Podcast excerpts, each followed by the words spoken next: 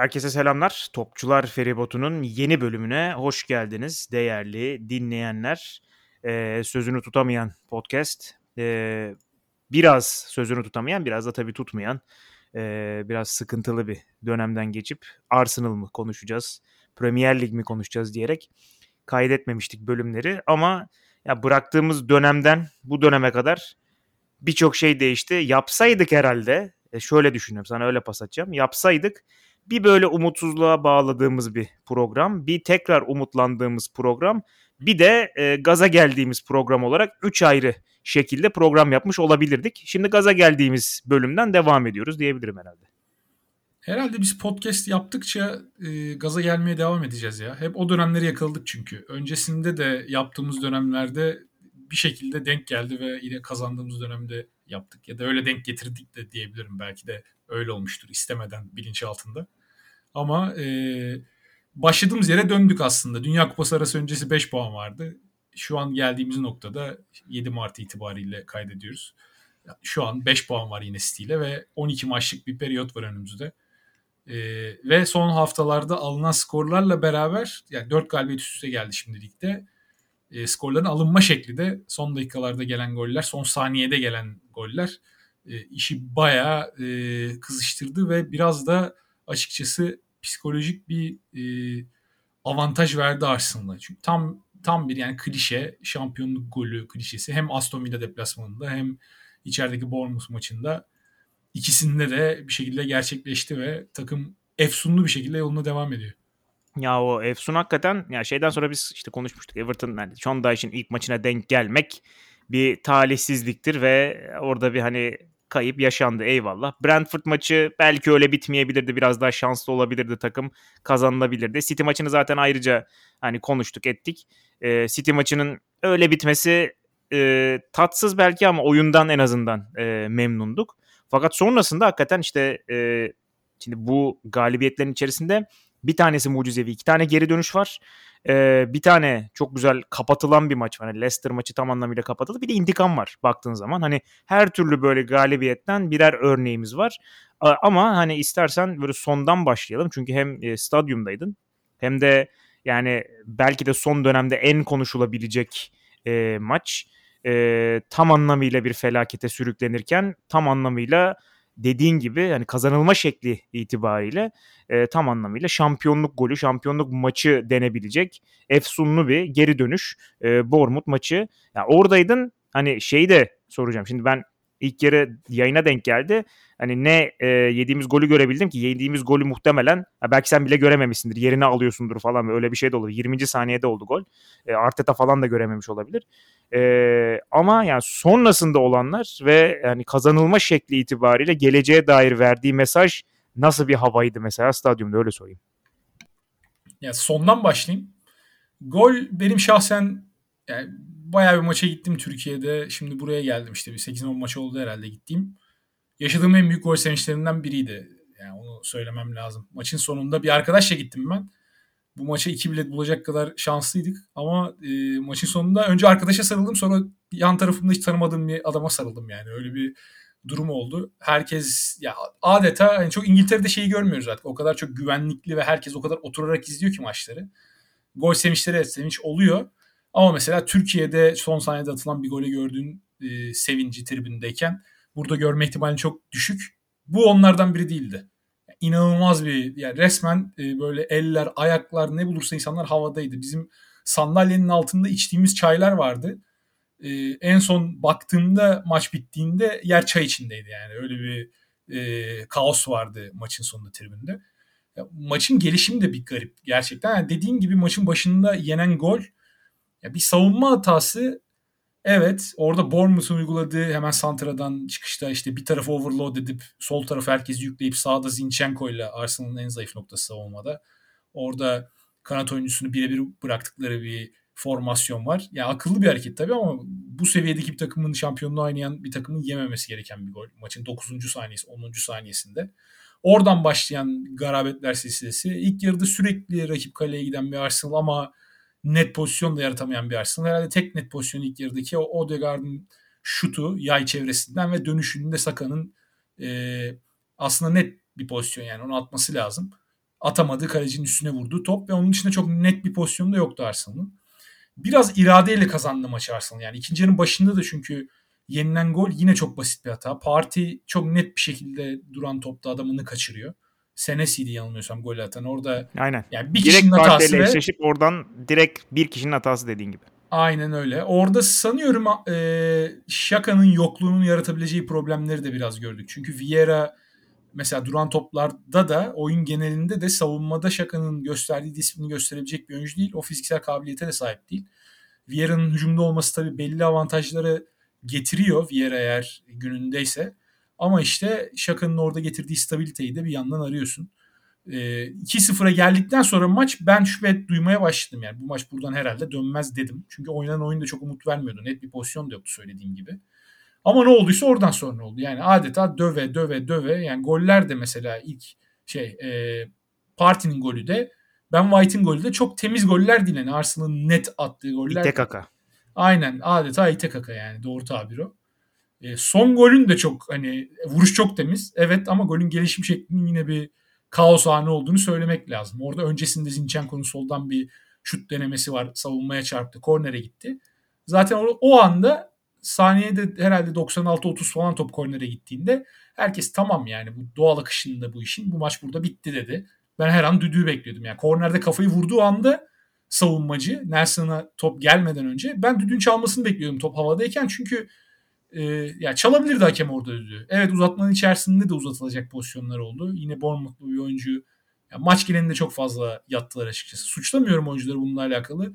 Yani Bournemouth'un çapı, e, ellerindeki kaynaklar vesaire belli ama hakemlerin bunu daha iyi yönetmesi gerekiyor. Bu maçta yine nispeten Premier League standartına göre daha iyi bir yönetim gördük. Bazen uzatmada 2 dakika vakit geçirilen maçta uzatmanın uzamadığını çok görüyoruz Premier Lig'de.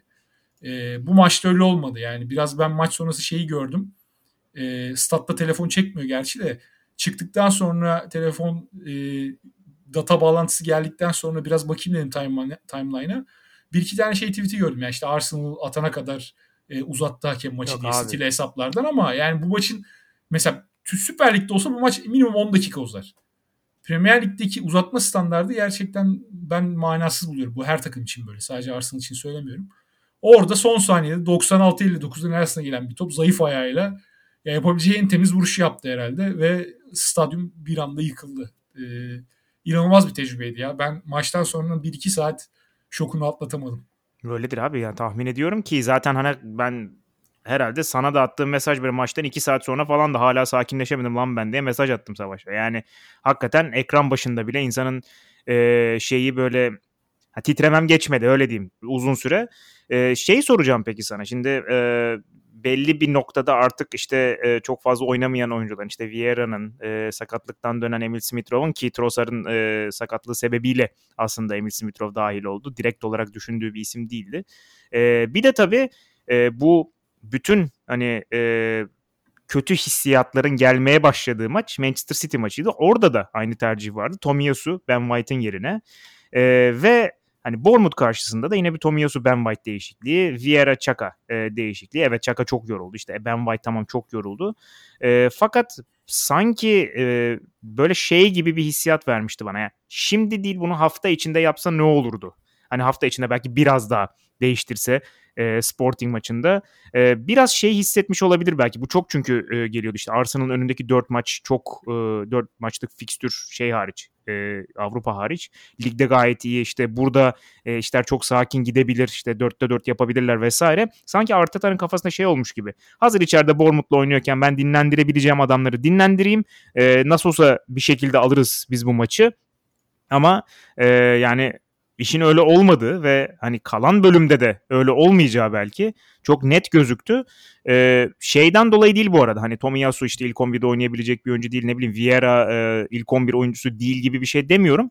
Ama hani zaten mükemmel bir performansla ve neredeyse hiç sakatlık yaşamadan giden 11'in en ufak bir bozulması herhangi bir maçta Arsenal'ı kötü etkiliyor. Bu da çok artık net bence. Katılıyorum sana. Yani hocayı çok suçlamıyorum açıkçası Tomiyasu, ter, Tomiyasu veya Vieira tercihi yüzünden. Vieira'yı ben çok da kötü bulmadım.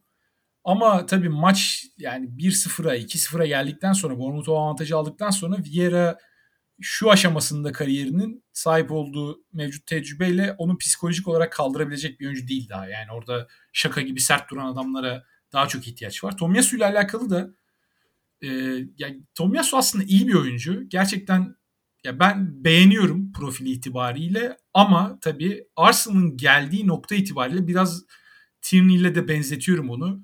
E, oynanan oyunda bazı özellikler özellikle ya 3. bölgedeyken mesela bir pozisyon var kanatta topu aldı.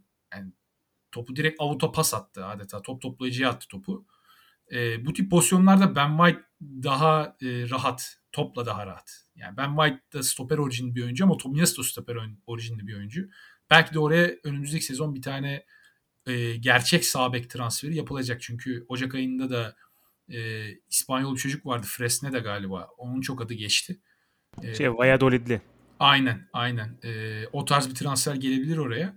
Yani Tomiyasu mesela Arsenal daha çok geçiş oyunu oynuyorken ve rakipleri daha çok geride karşılıyorken geçen senenin belli bir dönemi daha iyi gözüküyordu. Ee, geçen sezonun başındaki hatta içeride kazanılan Spurs maçında yani sonu tamamen kitlemişti. Maçın Aynen. en iyi oyuncularından bir tanesiydi. Ama ileri giderken topa bu kadar hakimken %80 topla oynuyorken e, Tomiyasu topla sırıtabiliyor. E, yani City maçında yedirdiği golde de aslında benzer bir durum var. Orada baskı altında verdiği karar ya da kararın yanlışlığı tartışılır ama kararı e, hayata geçirme sıkıntısı. ve uygulama şekli oradaki sıkıntı teknik kapasitedeki yetersizliği işaret ediyor. Bu sebepten ötürü yani Tomiyasu bazı yerlerde Arteta'nın aradığını tam olarak veremiyor. Yani tabii bununla alakalı farklı senaryolar olabilir. Belki de City deplasmanında çok daha geride e, karşılayarak rakibi oynayabileceğim bir maçta Tomiyasu Ben White'dan daha faydalı olabilir yani oradaki e, farklı özellikleriyle. Ama işte bu maçta doğru adam olmadığını gösterdi ki Arteta da bunu hızlıca görüp devre arasında yaptı o değişikliği. Yani. Öte yandan hücumdaki değişiklikler yani biraz da tabii sakatlıkların üstüne gelmesiyle şanssızlık oldu. Evet. Yani Enketia Enketia iyi bir dönem geçirdikten sonra son birkaç haftadır formsuzdu ama onun sakatlanmasıyla beraber bu sefer elinde hiç doğal santrafor opsiyonu kalmadı. E şimdi Jesus dönecek diye bekliyoruz. O da daha tam hazır değil. E orada oynayan ve fena iş çıkarmayan Trossard da maçın içinde sakatlanınca bir anda 6 aydır top oynamayan Emil Smith-Rowe'a dönmek zorunda kaldın. Ki orada da çok hocanın yapmayacağı bir değişiklik yaptı ve oyunu aldı Emil Smith-Rowe'u 60 dakikadan fazlasını kaldıramaz e, Emil Smith-Rowe daha yeni döndü deyip çıkardı Nelson'ı aldı 70. dakikada ve maçın kaderinde Nelson değiştirdi. Yani belki de eğrisi doğrusuna geldi diyebiliriz. Abi aynı şey mesela Nelson için de söyleyebilirsin. Yani e, bu sezon işte bir tane e, maçı vardı. E, Nottingham Forest maçı ki yani şov yaptığı bir maç. E, bu sezon zaten Premier Lig'de oynadığı üçüncü maç. Onun da çok fazla sakatlığı var son dönemde. Hani e, iki tane maç oynayıp şampiyonluğu getirecek performansı verdi diyebileceğim bir adam herhalde dünya tarihinde çok azdır. Ee, sadece hani attığı golden dolayı demiyorum bunu. Asisti de aynı şekilde. Yani şeyi gösterdi belki de biraz. Ee, özellikle böyle derinde bekleyen işte e, ceza sahasına kapanan ne bileyim 5 artı 4 ile savunma yapan takımlara karşı Reis Nelson Arsenal'ın böyle ihtiyacı olan tipte oyuncu gibi bir görüntü verdi bana burada. Çünkü ne zaman hani topu alsa çünkü kanatta hep tek başına kaldı. Özellikle işte Zinchenko'nun içeriye girişiyle falan. Ama tek başına iki kişiyi bağlayıp en azından dışarıya doğru yaptığı serviste ya da işte Ben White'a yaptığı serviste falan e, o çizgide aslında böyle de bir oyuncu çok yok. E, özellikle yedekten girip bunu yapabilecek bir oyuncu çok yok e, dedirten Arsenal'da. Yani çok değerli e, olabileceğini gösterdi bence. Kesinlikle katılıyorum. Yani Nelson o sürpriz unsurunu kenardan getirebilecek bir oyuncu. Çünkü o taraftaki opsiyonlara baktığımızda Martinelli de biraz bu var. Evet ama bu maçta Martinelli'yi de santrafor çekmek zorunda kaldı. Solda bir opsiyon olmaktan çıktı Martinelli. Emil Smith daha risksiz oynayan bir oyuncu e, Nelson'a göre. Nelson da bazen yani bu risk alma özelliği onu kötü kararlar vermeye yönlendirebiliyor. Ki hala bu seviyedeki tecrübesi yetersiz yani. 22-23 yaşına geldi Nelson. Sakadan 1-2 yaş büyük diye hatırlıyorum. Ama Hı-hı. işte düzenli süre almadı hiçbir zaman Arsenal'ın bir tane bir tane sezonu var. O da işte geçen sene Feyenoord'daki sezon. O da şey değil yani hani direkt ilk 11 oyuncusu oynamadı olarak oynamadı yani bütün sezon. Evet evet. Yani Arteta'nın da inandığı bir oyuncu bu arada. Çünkü Covid sezonunu hatırlarsın mesela. Bir tane kazanılan saçma sapan böyle Liverpool maçı var. Orada Nelson e, gol atmıştı diye hatırlıyorum ve ilk 11 başlamıştı. Yani Arteta'nın ona dönem dönem verdiği şansları hatırlıyoruz. Tabii son dönemde takım daha iyi hale gelince geçen senenin ortasından itibaren ve orada Martinelli, Emil Smith-Rowe artı Saka kanatlarda bu üçlü tamamen artık bu pozisyonlar bizim mesajını verdiğinde ve bunu gösterdiğinde Nelson orada çok fazla şans kalmadı açıkçası. Bir de sahada geçen sene Pepe vardı. Ee, bu seneye geldiğimizde de bu sefer Nelson'ın yaşadığı sakatlıklar arka arkaya. Tek avantajı işte şu an mesela Emil Smith-Rowe'a kıyasla. Emil Smith-Rowe çok daha ağır bir sakatlık geçirdi ve ameliyat olmak zorunda kaldı. Evet. Ve şu an maç ritmine ulaşması Emil Smith-Rowe muhtemelen çok daha uzun sürecek. Yani Nelson evet bir buçuk aydır sakattı mesela. Ama öncesinde iyi oynuyordu yine yani. Emil Smith-Rowe'un son iyi maçı ne zamandı ben hatırlamıyorum. Herhalde geçen senedir. Bu sene çok bir geçen şey Geçen sezon çünkü. ya tabii tabii bu sezon bir şey oynamadı yani zaten. Ee, ve geçen sezonun da ikinci yarısında Emil Smith sakat sakat Doğru. oynamıştı yani. Ameliyata yönlendiren sebeplerden bir tanesi de oydu. Nelson'ın avantajı o açıdan daha diri olmasıydı Emil Smith göre ve oyuna girdikten sonra da bunu gösterdi. Birebir de adamını net bir şekilde geçti ilk golde. Ee, hem de oradan ters ayağıyla ortaya açtı. Emil Smith çok böyle mesela e, ya Arsenal sisteminde kanat oyuncuları çok çizgide oynuyor. Alanı açması için, sahayı genişletmesi için öndeki kanat oyuncularını kullanıyor Arteta. Bekleri daha çok içeri sokuyor haliyle. Zinchenko ve Ben White gibi çok böyle ortacı değil de daha ziyade pas üstünden oynayan bekler oldukları için. Ee, orada Nelson mesela daha doğal bir fit sol kanat ya da sağ kanat rolü için. Emil Smith-Rowe'a kıyasla. Emil Smith-Rowe'un da zamanla bir sol 8'e dönüşmesini bekleyebiliriz bu sebepten ötürü diye düşünüyorum. Orada da bir alternatif olur mesela. Bu, e, bu maçta Vieira'nın oynadığı rolü Emil Smith-Rowe'la da deneyebilir. Yani şu zamana kadar çok e, denemedi bunu. Bir iki denediği maç var. Geçen sene bir Burnley maçı hatırlıyorum. Çok da işe yaramadı açıkçası. Ama oyuncu profili olarak o rolü yapabilecek potansiyele sahip bir oyuncu. Bunu gerçeğe dönüştürecek mi göreceğiz. E, o yüzden orada biraz da şansı oldu Arteta'nın bu Nelson'ın hazır olması ve 70. dakikada oyuna girip bir anda oyunun kaderini dönüştürmesi.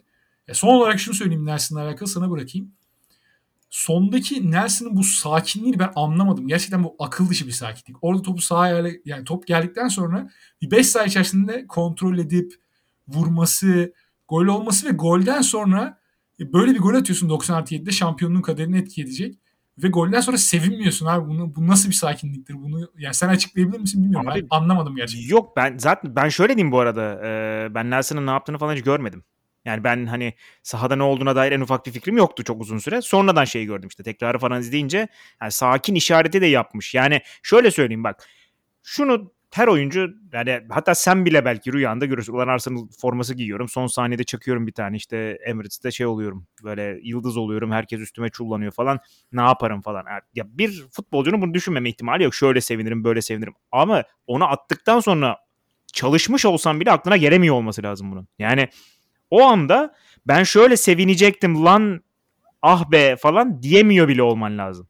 Yani her şeyin doğal olarak akım, akması lazım. Şey gibi ya hani siniri alınmış ve hani bir süredir de hiç e, duygu yaşamamış e, bir insan gibiydi. Stat'taki en sakin adam bu arada o an. Evet, golü attığı evet. Çünkü yani Arteta korner direğine koştu. Bütün yedekler sahaya girdi. Saliba korner direğini kırmaya Aynen. gitti. Tekme falan attı Aynen. korner direğine. Ve ya Ramsdale kaleden çıktı geldi. Nelson'ın üstüne atladı.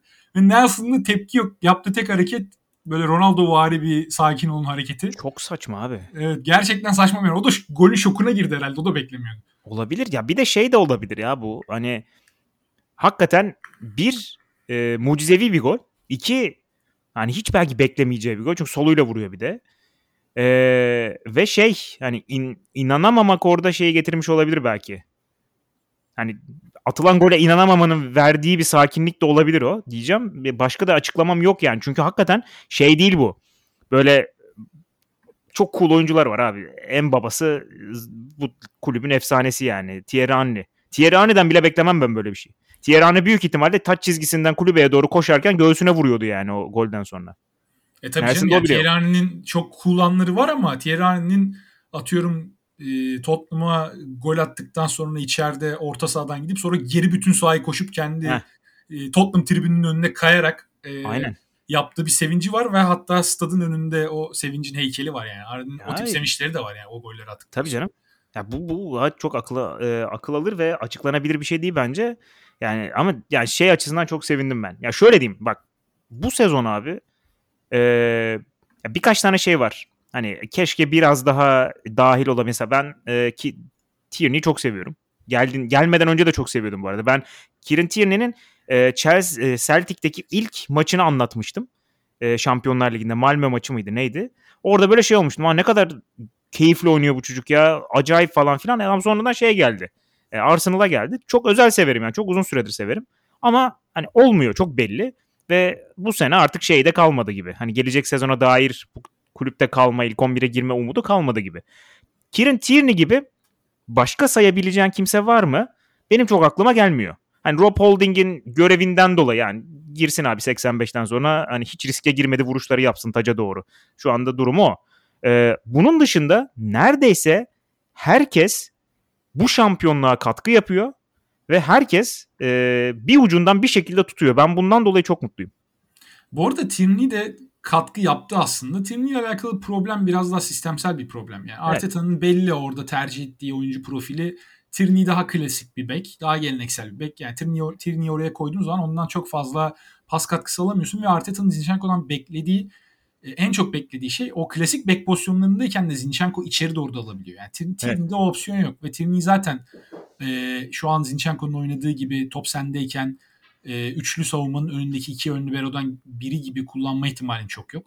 Tabii, yani tabii. şöyle oldu mesela bu maçta mıydı Everton maçında mıydı? Everton maçında. Everton maçın sonunda son 10 dakikalık bölümde yanılmıyorsam Tierney oyuna girdi. Hı E, Zinchenko'nun olduğu yerde Tierney aynı pozisyonunda duruyordu ve yani back pozisyonunda değil orta saha gibi pozisyon oluyor top Arsenal'dayken ve inanılmaz yani garip geliyor izlerken. Yani Öyle abi. orada ne iş var diyorsun. Yani o Ve şey o görüyorsun şey. bu arada. O aynı maçta mesela şey hatırlarsın. E, perde nasıl açıldı? E, Zinchenko hani e, orta sahanın sağında oynayan bir oyuncunun oynadığı evet. pozisyondan Saka'ya asist yaptı. Evet Saka'yı Yani Tierney'nin orada olma ihtimali yok. Ya da orada olsa dahi belki o hani e, half space o pası o şiddetle o güzellikle atabilme ihtimali de yok. Bu Tierney kötü bir oyuncu yapmaz. Ama bu Tierney'i bu takıma uymayan bir oyuncu yapar maalesef. Evet yani Tierney'i kullanabilme e, ihtimali bence sadece orta sahada yapabileceği bir değişiklikle mümkün. Hmm. Ama onu da şu ana kadar Arteta'nın çok yapmaya e, niyeti varmış gibi gözükmüyor. Yani çünkü abi yani bir orta yapsın? saha Evet yani niye yapsın bu kadar işleyen bir takımda. Bu arada bunu önümüzdeki sezon için de söylüyorum. Mesela bu yaz yapılacak bir orta saha transferiyle Tierney daha kullanılabilir bir hale getirilebilir. Çünkü şu an e, mesela ön top Arsenal'dayken ileride 5 oyuncu gibi konumlanıyor Arsenal. Hı-hı. Bunlardan bir tanesi Şaka.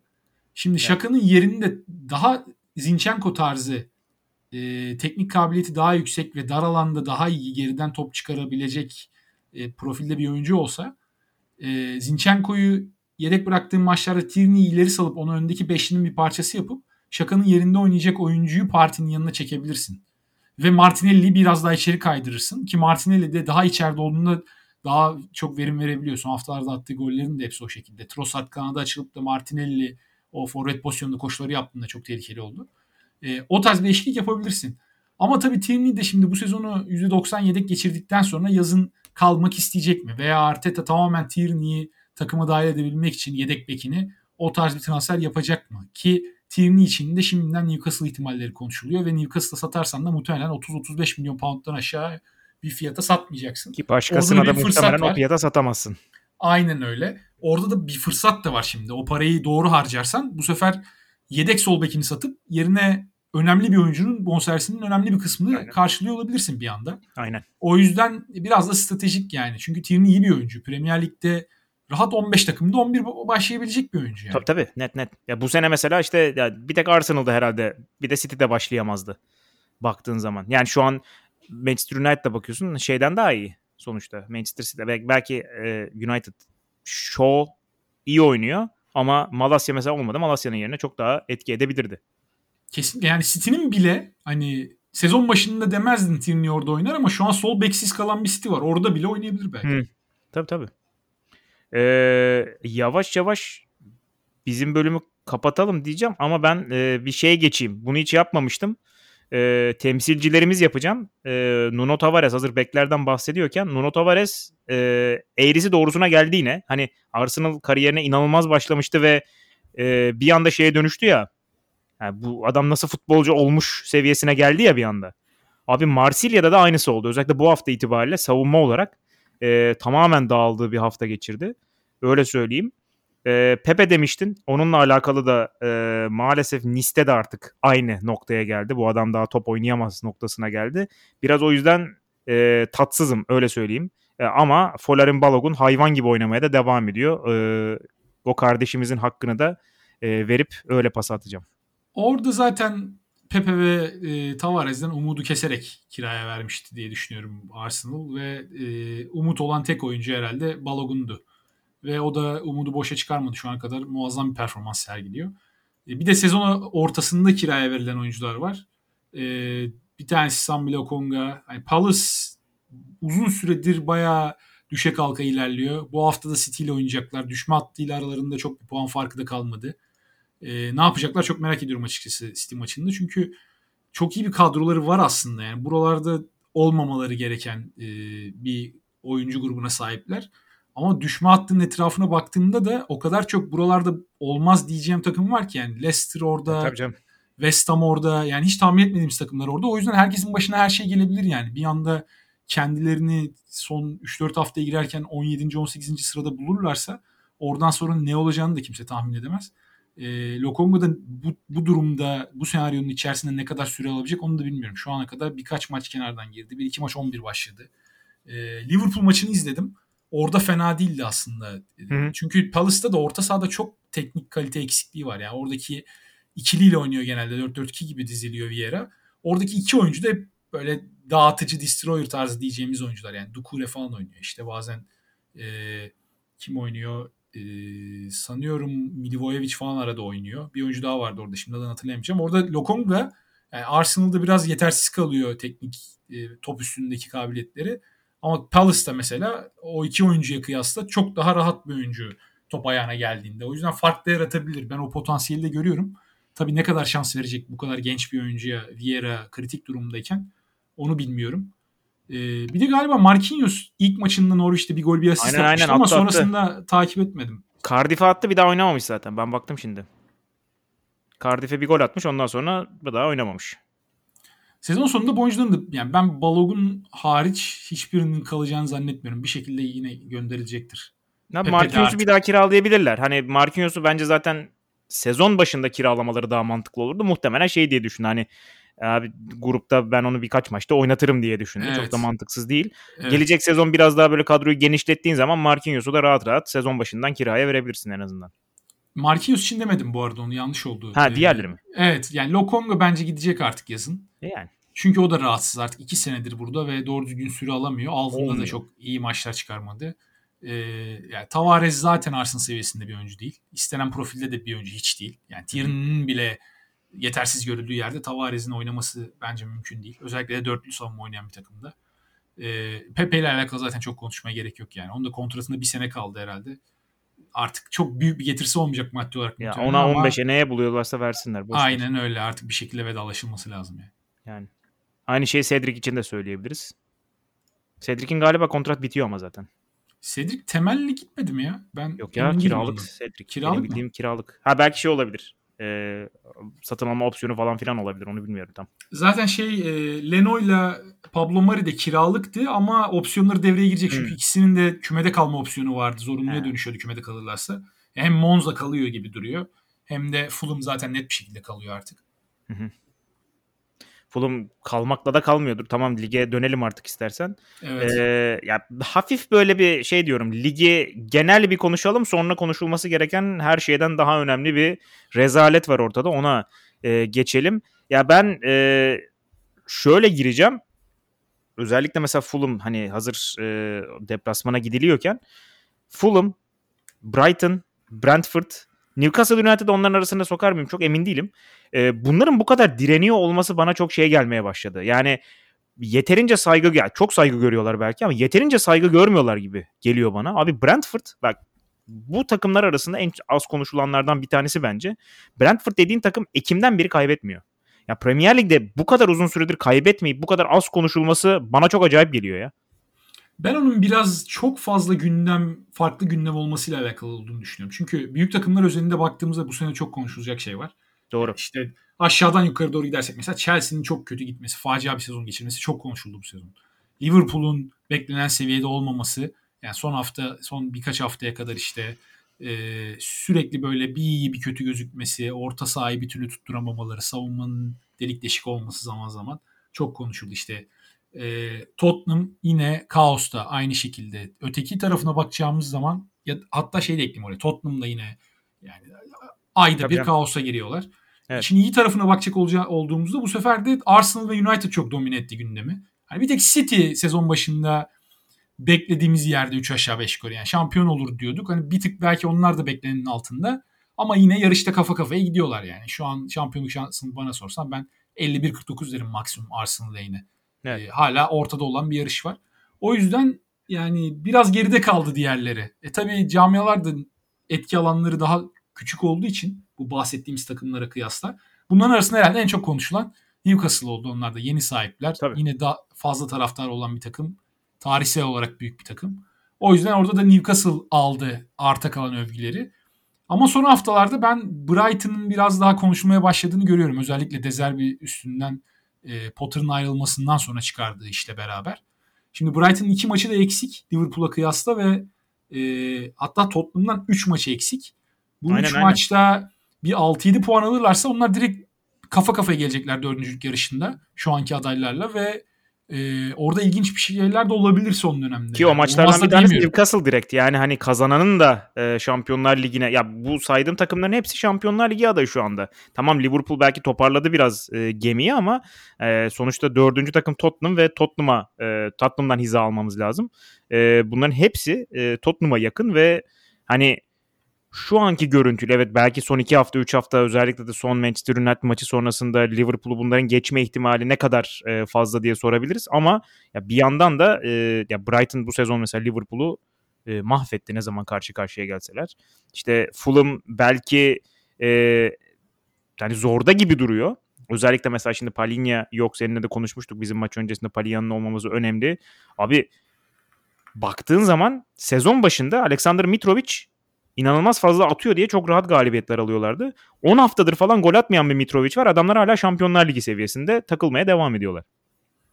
Evet kesinlikle. Yani Fulham'ın takım olarak yapısı zaten onları buraya getiren şey herhalde. Çok kompakt oynuyorlar. Özellikle Palinha oradayken savunmada kolay gol yemiyorlar ve bir şekilde her maçın içinde kalıyorlar. O golleri de zaman zaman buluyorlar işte. Son haftalarda sahneye çıkan adam mesela Solomon oldu. Bütün sezon evet. ortada yoktu. Sağ çok olsun draftın çöpünden aldım inanılmaz katkı yaptı. Ve yani çok acayip goller attı. Evet. Attığı gollerin bu hafta attığı hariç boş kale attı bu hafta. Hı-hı. Bu hafta attığı hariç önceki attığı iki golde inanılmaz goller. Bir tanesi ikisi aynı gol neredeyse. Evet yani e, bu arada iki mi attı bundan önce? Üç mü attı? Ondan üç attı galiba ya. Üç attı galiba. Bu dördüncü Aynen. olması lazım. İki tanesi sol çaprazdan sağ köşeye yerden. E, bir tanesi de soldan böyle bir pirez vuruşu. Sağ aşağı acayip falsolu bir vuruş. O da çok acayip goller atmaya başladı. İşte bunları yakaladığı zaman arada Willian çıkıyor atıyor. E, bu şekilde baya bir maç kazandılar. Brentford da çok etkileyici dediğin gibi ve Brentford kaç ay oldu bilmiyorum maç kaybetmeyeli. Herhalde bir e, 23 Ekim son, oldu. son kaybettikleri maç e, 20, e, 23 Ekim. E, Ekim'den bu yana 5 ay oldu ve yani 4,5 ay diyelim 23 çünkü. Hani bir buçuk ayda Dünya Kupası'na gitti dersen 3 ay Premier Lig'de yenilmeyen bir Brentford bayağı etkileyici. Evet. evet. Bayağı ve hani arada şey var abi yani Liverpool galibiyeti, e, City galibiyeti var. Bizimle berabere kaldılar. E, yani yeter zaten. Böyle bir seride bunlar. Ha bir de Tottenham'la berabere kaldılar. Hani bunları da araya sıkıştırmak çok acayip. İçeride kaybettikleri takım sezon sadece şu an kadar varsın. Yani onun dışında evet. bir mağlubiyetleri yok içeride. Evet.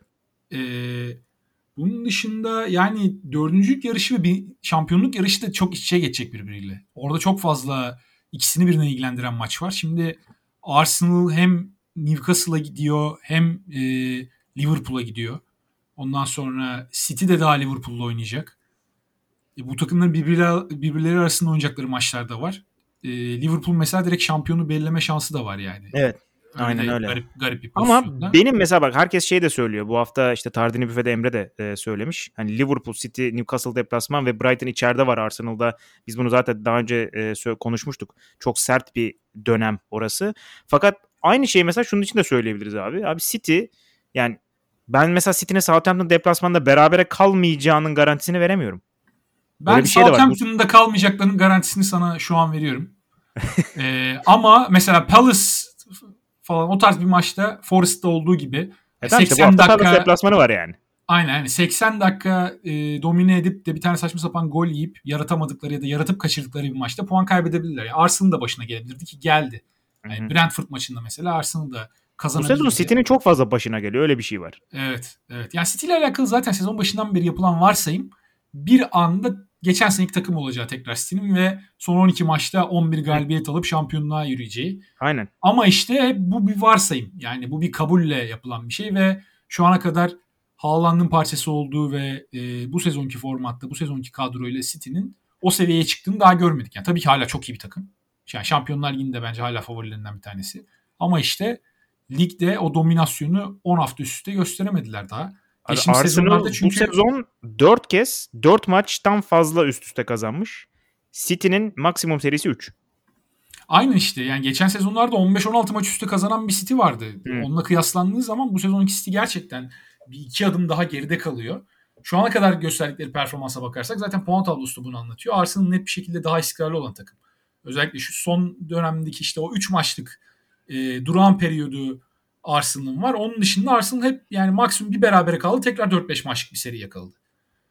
Bu aslında sezon sonuna doğru giderken bir avantaj. City'nin en büyük avantajı tabii ki kadro kalitesi, derinlik ve yani bu yoldan daha önce çok kez geçmiş oyunculara sahip olmaları, Aynen. çok tecrübeli olmaları. Aynen. O zaman e, tabii artık e, benim ana konum Arsenal'dan daha ziyade bir ana konu. E, haftanın rezilliğine gelelim. E, zaten son konu da bu olacak. Liverpool 7, Manchester United 0. E, 1900 bin, pardon 1895'ten sonraki en farklı skor. E, o dönem artık neyle oynuyorlarsa bilmiyorum. Orada da bir e, 7 fark var. 8-1'di yanlış hatırlamıyorsam e, skor. Bakmıştım hani daha önce böyle bir şey oldu mu acaba diye. E, daha önce böyle bir şey oldu mu ayrı bir de daha önce bu şartlarda böyle bir şey oldu mu o da e, bambaşka. Yani şartlar tarafta... gerçekten şartlar gerçekten çok ilginç ya. Yani hayatımda bu kadar akıntının sezon geneli akıntının tersinde bir maç daha önce izledim mi hatırlamıyorum. Abi Liverpool e, yani hani Wolves maçına kadar yani Newcastle maçını da bir kenara bırakalım. Çünkü Newcastle maçı şöyle oldu aslında. Newcastle maçı Liverpool için maç içinde çok kolaylaştı. Yani çok da fazla bu arada ikinci yarıda domine edildiler Newcastle tarafından. Edilmemeleri gerekirken. Fakat 2-0 kazandılar. E onun üstüne e, berbat bir maç. Ben o maçı izledim hatta 60 dakika falan izledim sonra bıraktım sıkılıp. E, Palace maçı vardı sen de bahsettin az önce. E, Wolves maçı Wolves zaten gol atamıyor. Hani bunlar toparlanma emareleri mi? Tam değildi bence. Fakat hani ölüyü diriltecek bir e, Manchester United savunması vardı ve o Manchester United savunması da son dönemde şey diyordu işte herkes. E, tamam işte City ile Manchester e, Manchester City ile Arsenal iyi de bak arkadan da Erik Ten Hag da ilk kupayı da aldı da falan derken bir anda 7-0. E, o şeyi de tamamen bozacak bir şey herhalde. Yani özgüven, ne bileyim momentum her şeyi dağıtacak bir şey.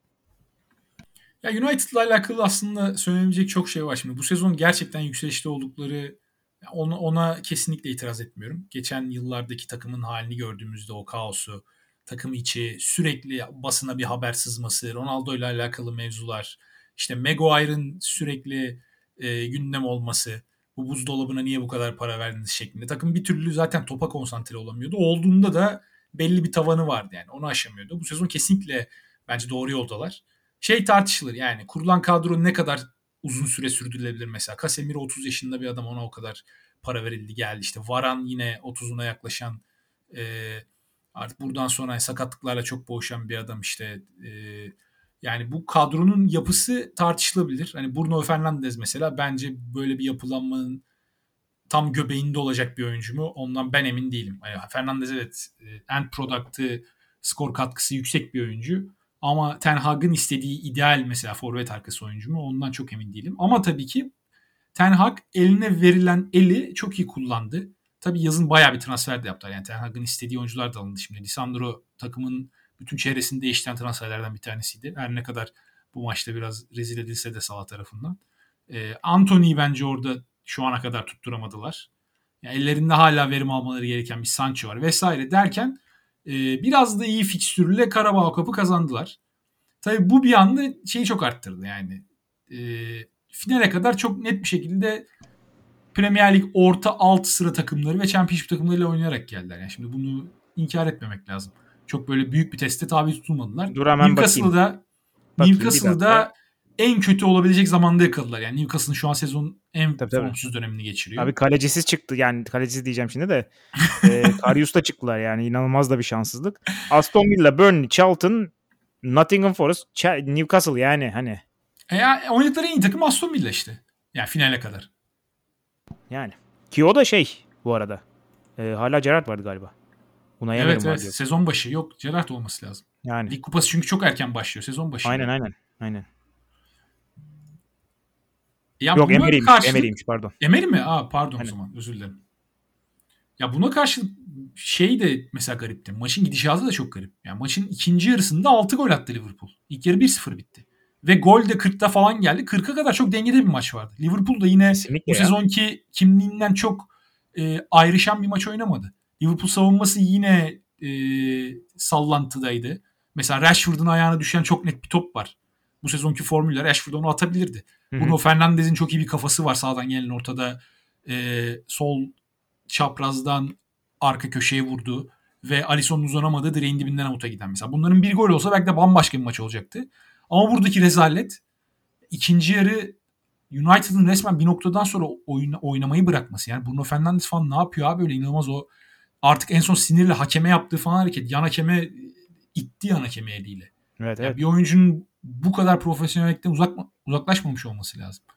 Skor ne olursa olsun ki Ten Hag da maçtan sonra bunu söyledi. Yani Liverpool'a deplasmanda 4-0 5-0 kaybedebilirsin ama işin devrede 6 gol yiyip de 7'ye gidecek e, dereceye gelmesi sezonu 3. götüren bir takım için çok kabul edilebilecek bir şey değil. Aynen. Bir de tavırdan falan da bahsetti zaten. Yani o da felaketti ki mesela sadece Bruno'nun tavrı da değil. Antonio'nun tavrı da bence çok kötüydü. Ee, ben biraz şey ön yargılı yaklaşıyorum ikisine de ama yani hakikaten e, mesela şeyde e, tam devre bitiyor. E, devre biterken gelen golde Andrew Robertson geliyor. işte şey karşılamaya çalışıyor. E, Dalo karşılamaya çalışıyor. Fred oraya yardıma geliyor. Anthony jog atıyor. Andrew Robertson ortaya gidiyor. Tekrar geri dönüyor. Bakıyor. işte koşuyun ko- çok güzel bir pas attı gerçi de o kadar alan verirseniz yani iyi seviyede bir oyuncu bunu atabilir. Anthony'nin hiç alakası yok mesela savunmayla. E, aynı şey işte ikinci yarıda şeyden itibaren de e, fark açıldıktan sonra da iyice başladı ki bence Anthony'nin veya Bruno Fernandes'in işler iyi giderken iyi, işler kötü giderken hiçbir şekilde e, güvenemeyeceğiniz tipte oyuncular olduğunu da biraz gösteriyor bence. Ya kesinlikle katılıyorum. Anthony açıkçası e, neden Eredivisie'de bile doğru düzgün bir gol asist katkısı olmadığını geçtiğimiz senelerde Premier Lig'de ispat eder bir oyun oynuyor. Çünkü bir kere sahaya hiç olmayan bir oyuncu. Bu sezon artık 7-8 kere izleme şansı buldum. önceki senelerde Ajax'ta çok izlemedim Şampiyonlar Ligi'ndeki 1-2 maç dışında ama yani gerçekten sahaya hiç olmayan bir oyuncu. Tek yönlü bir oyuncu yani. Oradan soluna gidecek ve çoğu zaman da kaleye vurmayı vesaire tercih ediyor. Evet. Artı e, yani çıkabildiği topla dribbling hızı da bence limitli. Hani o tarz bir oyuncu olsa mesela soluna attığı anda bir anda önünü açabilse o zaman farklı şeylerden bahsediyor olabiliriz. Ama işte orada herkes ne yapacağını biliyor ve bekler yetişebiliyor da. Bu ikisi bir arada olduğu zaman zaten yakalanıyorsun bir şekilde. Evet. Ve çalım için yaptığı hamlelerin çoğu da aslında yapmaması gereken hamleler. Yani aynı kişiyi 3 kere çalım atmaya çalışan oyuncuları artık Premier Lig'de özellikle de böyle çok fazla kapanan veya sert bir rakiple oynadığın zaman bir şekilde yıldırıyorlar yani o hareketi yaptırmıyorlar sana. Mesela Saka aynı pozisyonda oynuyor Arsenal'da orada. Saka ısrarla sürekli sağına gidiyor. Yani biliyor çünkü sağına gitmezse solu açılmayacak. Hı hı. Saka da mesela çok hızlı bir oyuncu değil. Yani Rashford'un çıktığı e, yüksek hızlara topla çıkabilen bir oyuncu değil Saka. Ama işte Saka'nın oradaki tahmin edilemezliği, sağına gidebilmesi, işte savunma arkasına koşu atması Anthony topsuz oyunda da yok. Yani geri de dönmüyor. E, topsuz abi. savunma arkasında Dönmüyor da geçtim. Şey de değil. Ha tabii aynen. Ya hücumda da topsuz olarak kötü. Bir de hani Erik Ten Hag'ın takımında şu anda bence şey yok. Ee, hani belki bir oyuncu belki Bruno Fernandes olabilir eğer oyun kuracaksa ve savunma yapmayacaksa hani bir kişi belki yapmayabilir ama Anthony gibi işte o Andrew Robertson hiç takip etmemesi ve yani hiç olaya dahil olmaması hocam siz savunun ben buradan izlerim e, tavrı e, Erik Ten Hag'ın istediği şeyin bence tam tersi. Bir de ellerinde şimdi şöyle bir problem çıktı. Şimdi santraforları yok.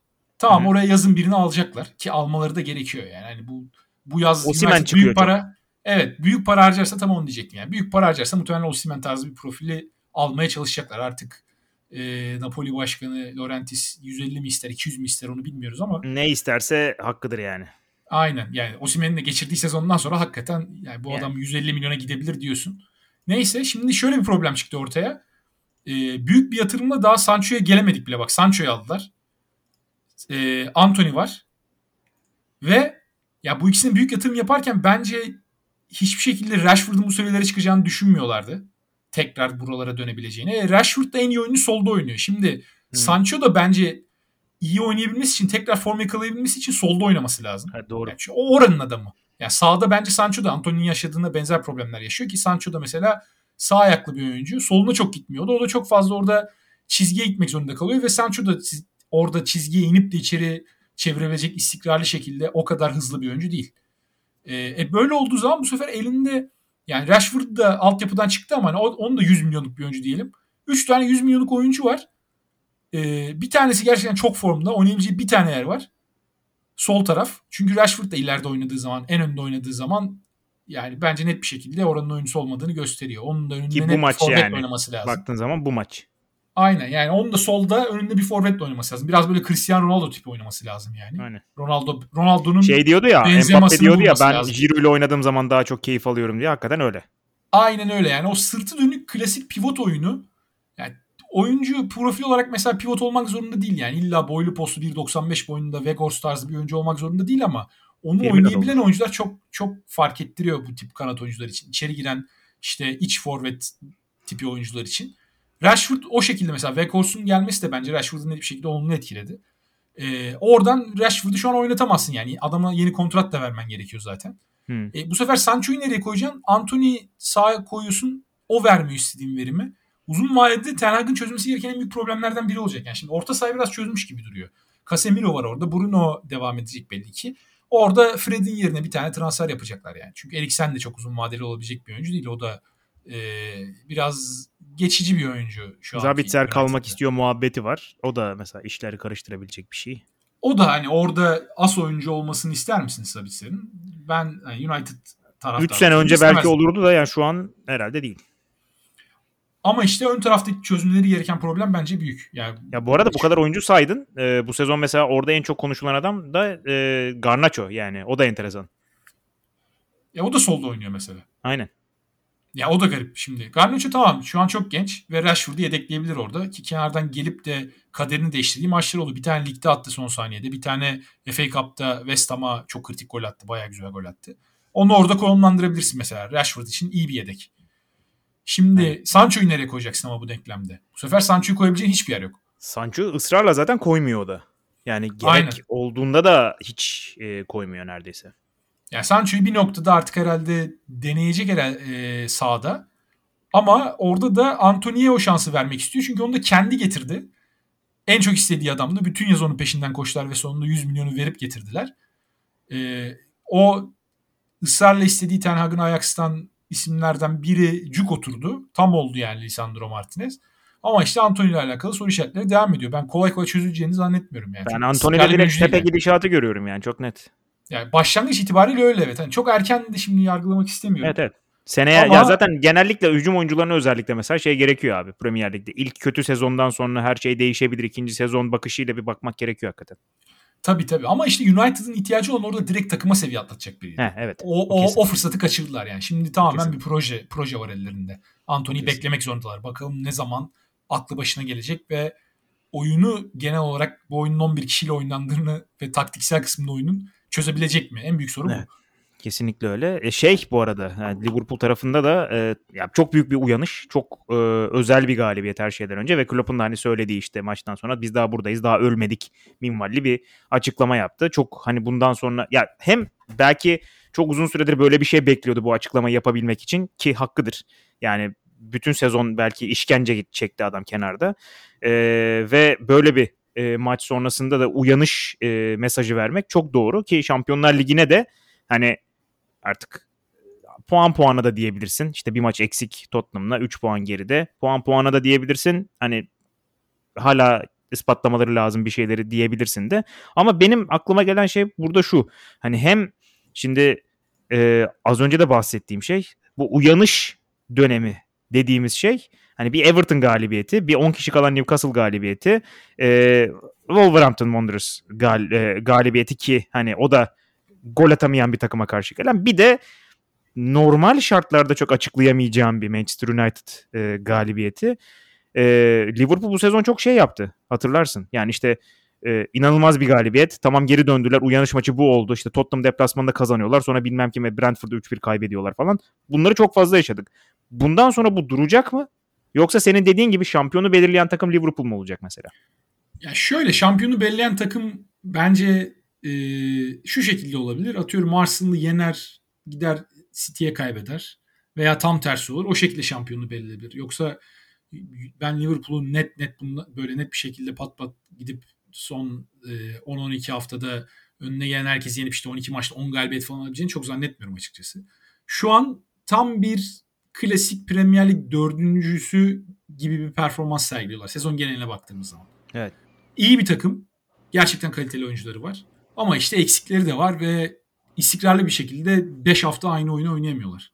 İlla arada e, yani puan bıraktıkları bir yer oluyor. Gidip saçma sapan bir mağlubiyet alıyorlar. E, orta saha hala bence istenen seviyede değil. Bu maçta harbi Orta saha ve artı bir stoper gibi hala Evet. duruyor. Evet yani Van Dijk mesela hala e, artık bundan sonra dönebilecek mi o seviyeyi bilmiyorum ama özlenen Van Dijk değil yani. Alıştığımız adam değil. Karşısına biri geldiğinde geçilme ihtimali yok dediğim Van Dijk değil.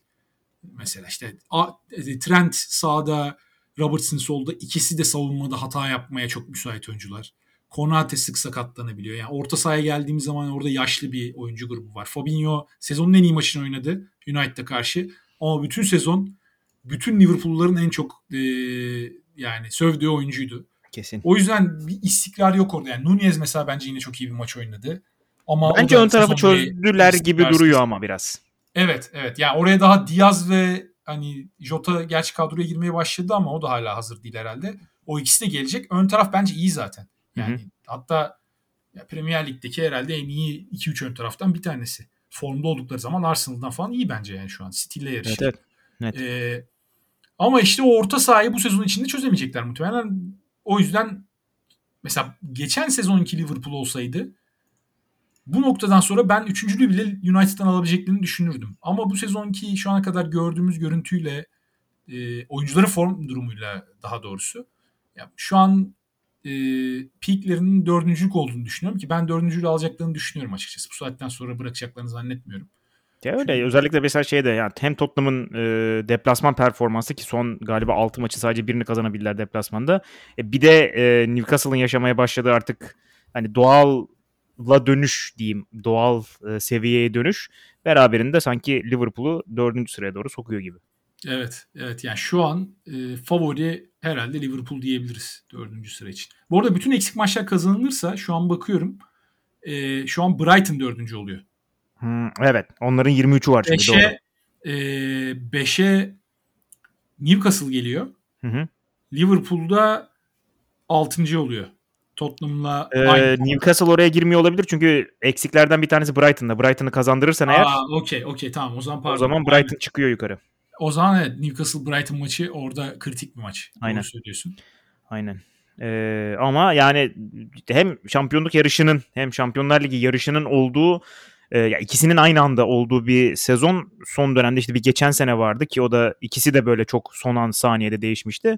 Ama bu kadar fazla takımın ve bu kadar sürpriz takımın Şampiyonlar Ligi yarışının içinde son e, 10 haftaya falan girdiği bir dönemi ben açıkçası çok fazla hatırlamıyorum. Ve düşme yarışı. Yani O düşme şey yarışı canım. daha doğrusu. E, Korkunç. Şu an mesela puan tablosuna baktığımda bence Chelsea ve Villa dışında hedefsiz bir takım yok ve 12 hafta var ligin bitmesine. Evet, Çünkü aynen.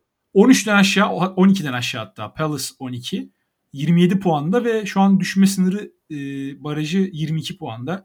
Abi iki, Her iki şey maç var ya. Yani o 20 ile 12 arasında iki maç var sadece. Ya orada Villa bir tek kurtardı. Şu an herhalde sezonun en rahat takımı Villa ya.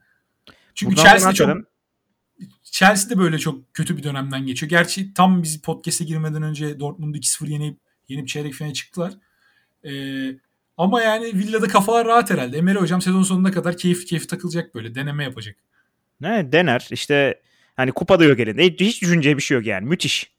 şey kadrosunu kurar efendi gibi şey yapar e, ne bileyim scouting'e girer approach to sign'da kimler var falan diye onlara bakar böyle takılır büyük ihtimalle e, ama dediğin gibi yani Chelsea ve Aston Villa'nın altında kim varsa e, yani bir de şöyle de bir şey var hani buradan bir şekilde çıkarlar dediğimiz takımların buradan bir şekilde çıkamayacağını da e, bir 50 kez falan ispatladı hepsi. Dolayısıyla burada kalacaklar çok belli yani. E tabi bu buradan sonra mesela artık Leicester ve West Ham'ın kendini ben net bir şekilde öne atabileceğini zannetmiyorum. Ya atarlarsa yani. da maksimum 6-7 puanla atarlar. Kurtulmalarını sağlar bu. Ama matematiksel olarak kurtulana kadar tamam kurtulduk diyemezler muhtemelen. Kesin öyle. Yani bir tek mesela burada şey e, olabilir. Hani ben West Ham'ın kadro olarak düşebileceğini çok hala düşünmüyorum da onların şöyle bir avantajı var. Hani kendilerini kurtardıkları an bir de kenarda e, Avrupa devam ediyor. Yani oraya odaklanma şansları da e, olur mu? E, yani bir an önce kendilerini kurtarırlarsa o da zor. Brighton maçını izledikten sonra Brighton West Ham ben kendilerini net bir şekilde kurtarırlar da diyemiyorum ya. İnanılmaz yok, yok. Korkunçtu. Felaket durumdalar ya. Korkunçtu. Amatör takım gibilerdi yani. Yani ben şeye hakikaten üzülmeye başladım. Yani devre arası gelsin çok istedim Rice'ı. E, Rice bir de şey diyordu daha hani olay bu kadar korkunç bir boyuta gitmeden önce ben artık Şampiyonlar Ligi'nde oynayacak bir takımda oynamayı da istiyorum yani. West Ham'a saygı duyuyorum ama hani gelecek sezondan itibaren de Şampiyonlar Ligi'nde oynamak istiyorum. Adam yani Championship'e düşüp Şampiyonlar Ligi takımına gitme ihtimali de olabilir. Yani onun için de çok kötü bir durum. E tabi yani orada o kadar uzun süredir oynayan e, taraftarın en sevdiği oyuncu haline gelmiş bir isim için talihsiz olur bayağı açıkçası. Ama Çok. tabii onu alacak takım içinde biraz şans olur. Eğer Championship'e düşerlerse çünkü o etiketten bir herhalde 20-30 milyon pound düşer. Şey bile olabilir ya. Yani release clause falan olabilir yani. Daha ucuza bayağı ucuza kapatılabilir Rice yani. Yani West Ham koymamıştır diye düşünüyorum herhalde. Yani menajer iyiyse menajeri adamsa Rice'ın koymuştur düşersek 30'a bırakırsınız diye bir şey koymuş oraya çok iyi olur valla. Evet yani 30'a gidiyorsa bu arada bu piyasada bedava oluyor Rice Bedava yüzden. canım. Evet. Aynen. Ne abi 23-24 yaşında inanılmaz orta saha yani hakikaten. Yani Herkes her bu sefer herkesin e, sulanacağı bir transfer olur bu arada. Onu da söyleyeyim. Tabii bu arada Premier Lig değil yani iş bir anda şeye de dönebilir. Rice Real Madrid'de falan. Tabii tabii. Abi ta, ta şey bile olur ya. Calvin Phillips e, şişmanladı biz Rice'ı alalım da diyebilir Pep Guardiola yani. Umarım öyle evet. bir şeye sulanmazlar evet. da. Bu arada şey haberleri çıkıyor. Yani Bellingham alamazsa City Rice'a sulanacak Heh. haberleri çıkmaya başladı. Zaten böyle. Bellingham kavgasını kim kaybederse muhtemelen Rice'a falan sulanır. Öyle bir şey çıkar. O yüzden Rice almak istiyorsa Arsenal Bellingham işi bitmeden bitirmesi lazım. Aynen. Şimdiden yavaş yavaş yoklasınlar. İlla e, şey kontratı bitmesine gerek yok yani. 6 ay önceden bon servisle de alınabilir oyuncu. Çıkan haberlere bakarsak bu arada yolunu yapmaya başlamışlar bence. O, o işin arkasında bir şeyler var çünkü bu kadar erken ben çok hatırlamıyorum. Bir tek tabii, geçen tabii. sene Jesus'la alakalı haberler Nisan, Mayıs gibi çıkmaya başlamıştı. Onun dışında bu kadar erken çıkan transfer haberi hatırlamıyorum. O yüzden gerçekten oyuncuyla anlaşılmış bile olabilir. Tabii olabilir büyük konuşmamak vallahi. lazım ama hani öyle bir ihtimal de var. Abi evini değiştirmeyecek yani istemiyorsa tabii şehrini değiştirmeyecek tertemiz kalsın. Hiç sıkıntı işte yaşamasın. İhtimal ama Chelsea giderse de evini değiştirmez muhtemelen. Abi Chelsea'ye de buradan sonra artık gitmesin kimse ya. Abi 8 yıllık kontrat için valla ben bile düşünürüm ya. Değil mi? Londra'da yıllık 15 milyon pound 8 yıl. Aynen yani. yani hayatın, evet, hayatın kurtuldu abi. Tek kontrat. Yani oyuncular 3 senede bir yeni kontrat peşinde mesela. 3 sene Doğru. boyunca performans göstermek zorundasın. Bir sonraki Doğru. kontrat almak için. 8'i aldığın zaman tamam abi bitti o iş yani. Aynen abi 8'i aldığın zaman son 2 sene falan oyna yeter. yani. Başka bir şeye gerek yok. Hakikaten öyle ya. Dur Hatta neyse. şey daha iyi. Mesela iki sene oynamadın, kendini kovdurttun, bütün parayı aldın. Sonra git başka bir yerde keyfine bak. Ce- paran cebinde. Aynen aynen. Yani her türlü alıyorsun o parayı. O sıkıntı yok. Yani hakikaten Chelsea'nin durumu çok enteresan. Yani hiç hangi oyuncu böyle olacak çok merak ediyorum. Yani sıfır verim şeyden de çıkamıyorlar. Yani kontrattan da çıkamıyorlar. Kimse de vermiyor bonservis. Kimi öyle hani al lanet olsun bütün parayı al diye yollayacaklar onu çok merak ediyorum. Yani herhalde ilki Lukaku olur ya. Yani bu rejimin adamı değil ama. Değil ama aynı seviyede ilk transfer yani. Aynı hani şeyin laciverdi diyeyim. Aynı transferin laciverdi. Ee, var mı ekleyeceğim bir şey? Vallahi dolu dolu konuştuk her şeyi. Herkese değindik neredeyse. Aynen herkese değindik. Ee, tabii hafta içinde bir e, Sporting maçımız var. Üstüne bir Fulham deplasmanımız var. Bu da şunu beraberinde getiriyor. Gelecek hafta kesinlikle bu programı yapmak zorundayız. Yani bu olacak. Veriyor muyuz bunun sözünü? Veririz. veririz. Güzel. Tamam. O zaman e, 2'de 2 ile yani 2'de 2 çok önemli değil. Şimdi yalan söylemeyeyim ben. Sporting maçında ben çoluk çocuk bekliyorum. Yani ortalamamız e, 21 olursa sevinirim. E, gerçi şeyde kaldı mı bilmiyorum. Yani kim kaldı? Kim oynayacak? E, çoluk çocuk. E, sakatlıktan dönen. oynamaz bu arada ama yani şey kadrosu olur muhtemelen. Yine Vieira falan 11 başlar. Ya Vieira, Turner işte Turner oynar. Tierney oynasın oynar. abi holding oynasın. Şeyler biraz dinlensin ya. Saliba Maliba da dinlensin. Onlar da hiç dinlenmedi. Şey yani. oynar. Yeni gelen Kivior oynar. Polonyalı Heh. çocuk. Ha mesela güzel. Yeni Jorginho transfer oynar. izleyelim. Aynen. Aynen bunlar Kivior Holding kenarda birileri Tierney bunlar oynasınlar. Ee, benim çok umurumda değil yani Sporting'den gelecek şey. Ee, galibiyet mağlubiyet ama Fulham yani bi- biraz tadımı kaçırıyor düşündükçe. Ya Umarım Fulham şey ya olmaz. çok zor olacak ya çok kolay kazanacağız gibi geliyor bana. Bu sefer şey gibi olmayacak diye Aynen. hissediyorum ama tabii bilemiyorum. Dur bakalım. O zaman e, haftaya tekrar görüşmek dileğiyle diyelim. Bizi dinlediğiniz için teşekkür ederiz. Hoşçakalın. Hoşçakalın.